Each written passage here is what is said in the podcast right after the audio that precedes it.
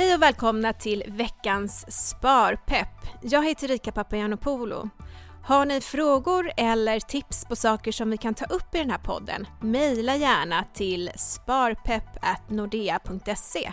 Men nu kör vi igång veckans avsnitt. Välkommen dagens gäster, Shoka Årman och Frida Träskov.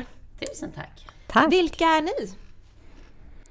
Jag heter Shoka Årman och jag är nationalekonom i grunden. Eh, jobbat eh, senaste 15 åren inom bank och finans.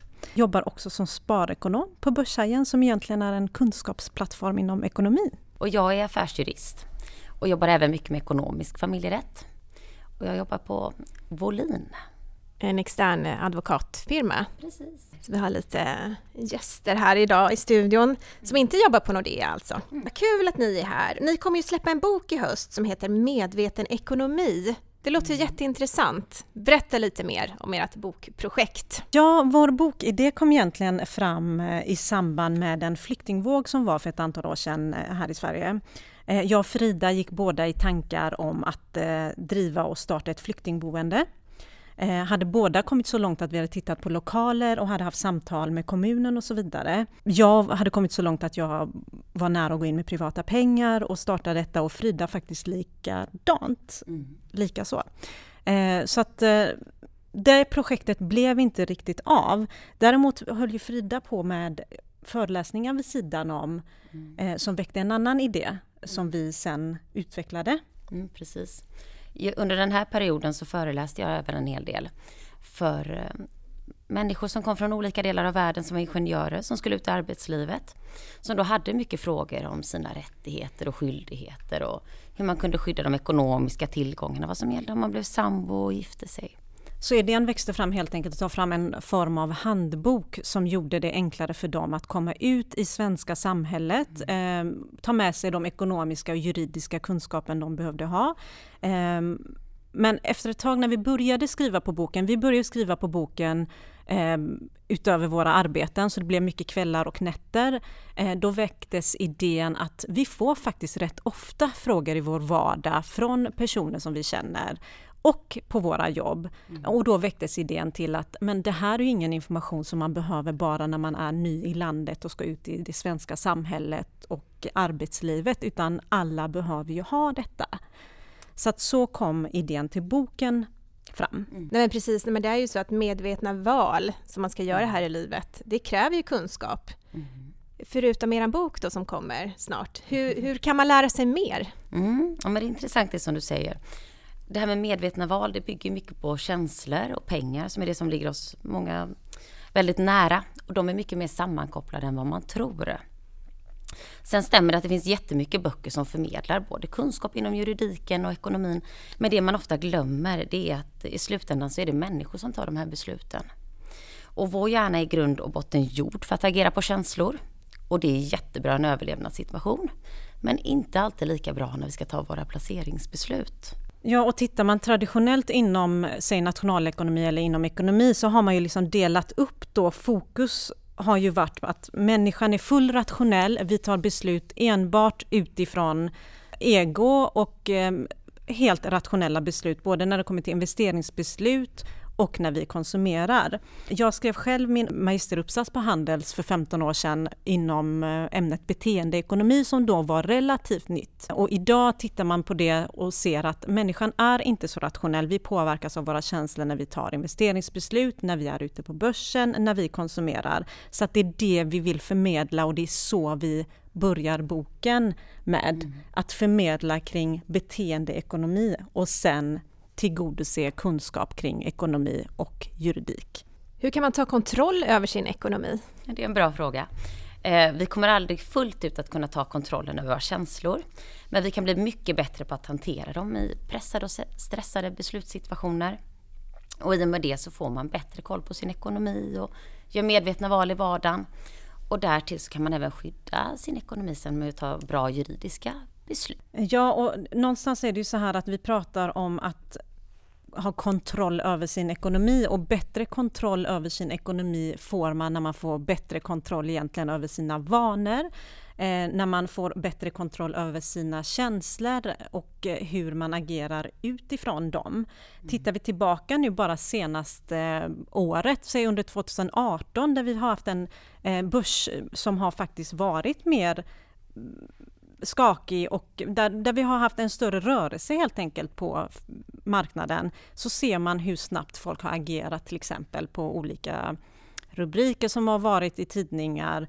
Eh, och har man en långsiktig sparandestrategi eller investeringsstrategi så blir det inte lika lätt att man agerar på de här snabba känslorna, rädsla, oro och så vidare utan då kan man hålla sig bättre till det för vi har en ekonomi som faktiskt är stabil. Skillnaden är bara att vi senaste åren har vant oss vid en börs som konstant, förutom vissa avvikelser, har gått uppåt. Eh, och jag som ändå förespråkar väldigt mycket att man ska nå ut till yngre eh, och att de ska börja spara mer. De har ju aldrig varit med den här typen av kursrörelsen som vi nu faktiskt har haft. För som sagt, marknaden har ju varit positiv rätt många år. En annan svårighet som man har just med att gärna vill ha snabba belöningar och snabba avkastningar. Och det är det som under, man kan se nu under senaste åren har lett till de här spekulation och investeringsvågen som har gått i med cannabisaktier och bitcoin som du också skrivit mycket om Shoka. Ja precis, jag har ju vid flera eh, tillfällen varit ute och pratat just om den typen av investeringar, högriskinvesteringar egentligen som många kanske förstagångssparare har eh, valt att hoppa på. Eh, och absolut, det, alltså tittar man på blockkedjeteknologin och peer-to-peer så finns det ju otroligt många delar man kan applicera det på. Kanske inte är det bästa alternativet dock att investera i som förstagångsinvesterare eller med de pengar man kanske inte vill riskera. Så där har vi ju en tydlig där, kan man, där har vi kunnat se en tydlig liksom, efterfrågan efter snabba pengar, snabba belöningar och det är så vi är uppbyggda.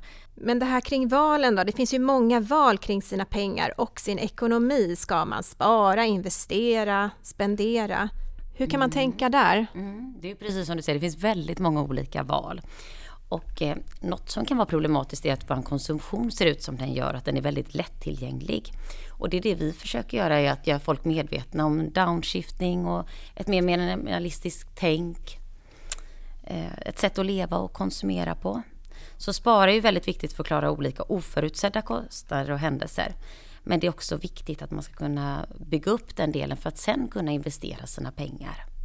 Kan man koppla ihop det här med någon ny teknik? Det finns ju mycket nya appar och ny teknik som är tillgänglig. Precis, och det har ju vi sett hela, om man tittar på branschen i helhet, så har ju hela, hela fransbranschen eh, delvis förändrats och anpassat sig till våra nya livsstilar. Så att eh, det finns mycket ny teknik, mycket appar och tittar man generellt på det här som hur vi konsumerar idag, sharing economy, alltså hur vi till exempel Uber är ju en eh, typiskt exempel på det, eller bilpooler och så vidare. Tekniken hjälper ju oss allt mer idag i att få eh, ekonomin att bli roligare och det kommer nya både egentligen sätt att låna men också att nya sätt att spara. Vi har också idag om man tittar på, vi pratar hur kan man lättare få folk att intressera sig för sparande? Hur kan vi få fler att spara på ett enkelt och begripligt sätt? Jo, det finns ju idag fondrobot. Du kan, eh, det, finns, eh, det finns fonder som är helt och hållet uppbyggda Ehm, med eh, en förvaltning som är artificiell intelligence, alltså ja, där man förvaltar fonden på det sättet. Det finns olika typer av sparappar där man kan mål, sätta olika typer av mål som man följer upp och så vidare. Så att tekniken och digitaliseringen hjälper ju oss delvis att komma igång och göra sparandet mer roligt. Så tydliga och specificerade mål. Ja, att man sätter upp sparmål och tar hjälp ja, och av olika appar och, och delmål. Mm. Men om man har kommit igång med det här, sitt sparande, så kanske man även vill investera. Hur ska man tänka där? Var börjar man? Man kanske har byggt upp sin buffert. Det viktigaste är väl att man börjar i rätt tid. Att man inte ska vänta in rätt tid och tillfälle utan börja så tidigt som möjligt. Och sätta upp flera delmål. Tänk inte så här, nu ska jag spara en miljon. Då är det lätt att tröttna när man har kommit till 10 000. Utan snabba belöningar blir det också om man delar upp sina mål långsiktigt. Absolut, och sen är det ju så här att eh, många gånger saker och ting som blir för komplicerade eh, eller ses som komplicerade förstoras upp och vi vet att då blir det enkelt att man skjuter upp det. Eh, och då sitta och prata till exempel pensionsspar som kanske inte ligger tre, fyra, fem år framåt utan vi pratar kanske 20 år framåt. Då är det ju såklart ännu svårare att sätta de målen och följa upp dem. Jag tycker att någonstans är det så här att det är bara egentligen att börja. Idag finns det ju ett utbud som är ganska stort. Använd det man brinner för och där man har sitt hjärta egentligen. Många brinner för jämställdhet. Ja, idag finns det ju många fonder man kan spara i, jämställdhetstänket där. Vi vet också att många kvinnor till exempel gillar hållbarhet och det gör ju alla, det handlar inte om kvinnor. Ja, men då kan man ju fokusera på det. Då kan man ju kanske bygga en eh, fondportfölj där man har med även de delarna och då kanske intresset ökar till att följa upp hur utvecklas de. Vi vet att eh, fonder som placerar i jämställda bolag till exempel är mer lönsamma. Samma gäller egentligen hållbarhetstänket. Då kanske man skapar ett intresse som inte fanns där från start utan intresset kom egentligen utifrån en värdering man hade och sen så blir det någonting annat som utvecklas utifrån det. Det är också så när man börjar göra de här rätta valen så blir det lättare för hjärnan att fortsätta att ta de här rätta valen. Man får in de här vanorna. Om man varje månad börjar sätta av en summa i sitt sparande. Men ibland så kanske man även behöver låna pengar och faktiskt skuldsätta sig. Hur kan man tänka kring det? Ibland är man tvungen, precis som du säger, eller vid ett bostadsköp. Då måste man ju såklart kanske många gånger ta ett lån på banken.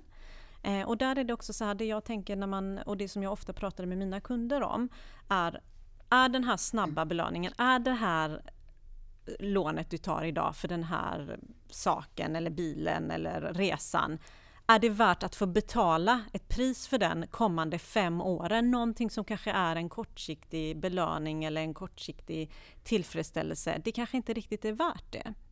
Så att man ska hela tiden ha med sig det tänket. Däremot som sagt ett bostadsköp är någonting helt annat. Det kan ju vara ett, eh, ett väldigt tydligt och konkret sparmål också. Om man vet att man vill köpa mm. ett större hus, en lägenhet eller ett sommarhus eller sommarstuga så kan man ju mm. även börja spara till handpenningen till exempel. Ja men där har vi precis det vi pratade om ja. tidigare, konkreta mål som blir enkelt att sträva efter, någonting som du faktiskt kan nästan ta på. Desto fler sådana mål, desto mer tydliga vi gör dem, desto enklare blir det att inte falla för alla frestelser, alla frestelser som faktiskt finns idag. För hjärnan är mycket mer komplex än vad man tror. Och det här handlar inte om när man börjar spara för första gången. Vi vet ju att till exempel även Eh, professionella investerare på börsen gör återkommande samma misstag. Vi vet att vi alla påverkas av våra känslor. Däremot desto mer information vi har om vilka sammanhang som utlöser de här faktorerna, desto enklare blir det kanske att stanna upp och okej, okay, nu tänker vi till. Nu, stod, nu fanns det en rubrik kring eh, kommande börsfall. Behöver jag verkligen gå hem och sälja av mitt innehav och kanske ett innehav som jag faktiskt hade en långsiktig investeringsstrategi kring. Eller kan jag vänta av marknaden? Nu stänger börsen, vi ser vad som händer under morgondagen. Eller likadant med till exempel i fonder. Behöver jag kanske ta kontakt med min eh, bank och höra mig för och se vad säger de istället för att agera för snabbt. Och samma gäller egentligen både konsumtion och när vi tar lån. Behöver jag verkligen det här eller inte? Och även om man sparar, som du säger, många sparar till handpenning till bostadslån. Första delmålet sparat kanske är en resa till sommaren, samtidigt som man lägger av pengar till det här bostadslånet och sparar till sin pension, även om den nu är 20 år fram i tiden. Så det har vi pratat mycket om, att vi tror inte att det räcker att bara skrämma folk med, men vill du leva på hälften av din lön när du är pensionär? Utan man måste få incitament och se det i bilder och vad vill man uppnå med sitt sparande? Kortsiktigt, långsiktigt och som är många delmål på vägen. Och få lite lättare. belöning under Precis. tiden också. Då får man belöningar under tiden och man når sina mål och känner ja. Men vad kan man förändra för att få mer kontroll över sin situation och sin eh, ekonomi och sitt sparande? Jag tycker att grunden till att få kontroll över sin ekonomi, precis som jag nämnde tidigare, är egentligen att få kontroll över sina känslor och hur vi reagerar på dem. Både egentligen när det kommer till konsumtion och investeringar. Bättre kontroll kan man ju få genom de här apparna vi pratade om. Mm. Eh, idag som sagt, i och med digitaliseringen så har vi ju ett utbud som är fantastiskt, så utnyttja dem. Det är inte mer komplicerat än bara börja, många gånger. Eh, sen kan man ju se till också, som sagt, känner man till sina tankefällor som vi faktiskt har. Många gånger så är det ju så att vi är irrationella och tar allt för snabba beslut och desto mer stressade vi är och desto mer omedvetna vi är, desto fler misstag begår vi. Så att vi, bara ett sådant exempel där vi vet att anledningen till att vi många gånger agerar snabbt på rubriker som finns i tidningar kring börskriser och börsoro. Det är för att vi vet att det gör faktiskt dubbelt så ont att förlora pengar än faktiskt att få vinst. Det vet man, man har gjort eh, undersökningar där man har kunnat vinna på lotterier och så vidare och sett att vi faktiskt reagerar olika på vinst och förlust. Vi vet också att vi får en förmåga att överskatta vår egna förmåga. Alltså till exempel senaste åren när börsen faktiskt har gått upp så mycket. Då blir det väldigt lätt och enkelt att man tänker att ja, men det har bara att göra med hur jag har placerat. Medan när det man har sparat i kanske tappar i värde så blir det så här att man tänker att ah, men det är inte mitt fel, det är marknaden eller det är den fonden hos den banken som jag har min fond och så vidare. Så att det finns ju många sådana aspekter i det som gör att man kan bli mer medveten och därmed få mer kontroll över sin ekonomiska situation. Och det kan man ju också träna upp. Många tänker som om de vill springa ett stort lopp, till exempel ett maraton. Ja, men då måste jag träna och jag måste lägga planer för det här och jag måste äta på ett speciellt sätt. Och det är exakt samma sak med det ekonomiska sparandet. Att eh, det krävs att man tar kontroll för det och lägger en plan för det framöver. Hur inhämtar ni information och lär er mer? Jag älskar ju att läsa och är egentligen en sån person som läser väldigt mycket eh, kurslitteratur och egentligen väldigt mycket forskning. Mm. Eh, men det är ju inte vad var och varannan person ska göra. Informationen kan man faktiskt idag Ta de stora tidningarna. Eh, det finns väldigt många olika plattformar som försöker lära oss mer om ekonomi och pengar och fonder och aktiesparande. Däremot så känner jag ibland att man kanske inte ska följa alla råd i olika typer av kanaler man möter. Och där kan jag ju ärligt säga att det var ju en del av det som vi kände när vi skrev våran bok, att vi ville som professionella och med vår erfarenhet möta någonting som vi såg inte alltid gick rätt till i vissa kanaler. Där vi kände att eh, ja, folk gav varandra råd och det kanske inte alltid var de rätta råden och så vidare. Så att informationen är lättillgänglig. Man får bara vara viktig vem man lyssnar på, som alltid när man tar råd. Man kan inhämta information men sen så när det väl gäller till att ta ett beslut, då är det ju vi själva som gör det. Har ni någonting mer att tillägga när det väl är dags att ta ett beslut? Nej, men när det kommer till att ta ett beslut så tycker jag alltid, precis som du säger, man kan inhämta information från olika plattformar eh, och idag som sagt extremt lättillgängligt. Eh, och det kan man ju använda istället för att tänka på hur andra gör och försöka liksom åstadkomma någonting annat så kanske man ska vända sig egentligen till det mest klassiska som man alltid pratar om. Tid, risk, alltså vad, hur lång tid vill jag spara på? Vad är risk för mig och vad innebär det? Och hur långsiktig är jag egentligen med mina pengar och vilken risk är jag villig att ta och vilken vad är egentligen många gånger så är det ju, det, det, har ju vi sett i många sammanhang här i Sverige också, att många som knappt aldrig någonsin har sparat kanske köper någon folkaktie. Eh, och det är det enda de äger och har i en portfölj. Sprid riskerna. Så skulle man säga, säg tre bästa råden är egentligen bara tid, risk, sprid dina risker, liksom välj utifrån olika marknader, branscher och så vidare. Eh, så klarade det ganska långt till en början med de delarna. Och kom igång. Ett sätt att lära sig mer kan ju vara att läsa er bok Medveten ekonomi. Men när kommer den här boken? Den släpps i höst i samband med Bokmässan i Göteborg. Där återigen, jag tror att det finns rätt mycket information ute om hur man kan bli miljonär eller hur man kan tjäna sin första miljon och så vidare. Och jag tror handen på hjärtat att det inte är så många som lyckats med det genom att köpa en bok. Och därav att vi inleder egentligen vår bok med beteendeekonomidelen. För jag tror att grund och botten behöver vi börja med att ändra våra vanor och våra beteenden därefter egentligen införskaffa informationen när det kommer till ekonomi och sen juridiken för att skydda vår ekonomi. Så att börja egentligen precis som vi gör både när det kommer till egentligen kost, träning eh, och allt andra börja med att ändra vanor. Det låter väl som en jättebra avslutning. Ja. Tack så hemskt mycket Shoka Årman och Frida Treskov för att eh, ni var med här i Sparpepp idag. Tusen tack. Och så säger jag tack till er som har lyssnat också och vi hörs snart igen. Och har ni några förslag på teman till den här podden så mejla gärna till sparpepp.nordea.se.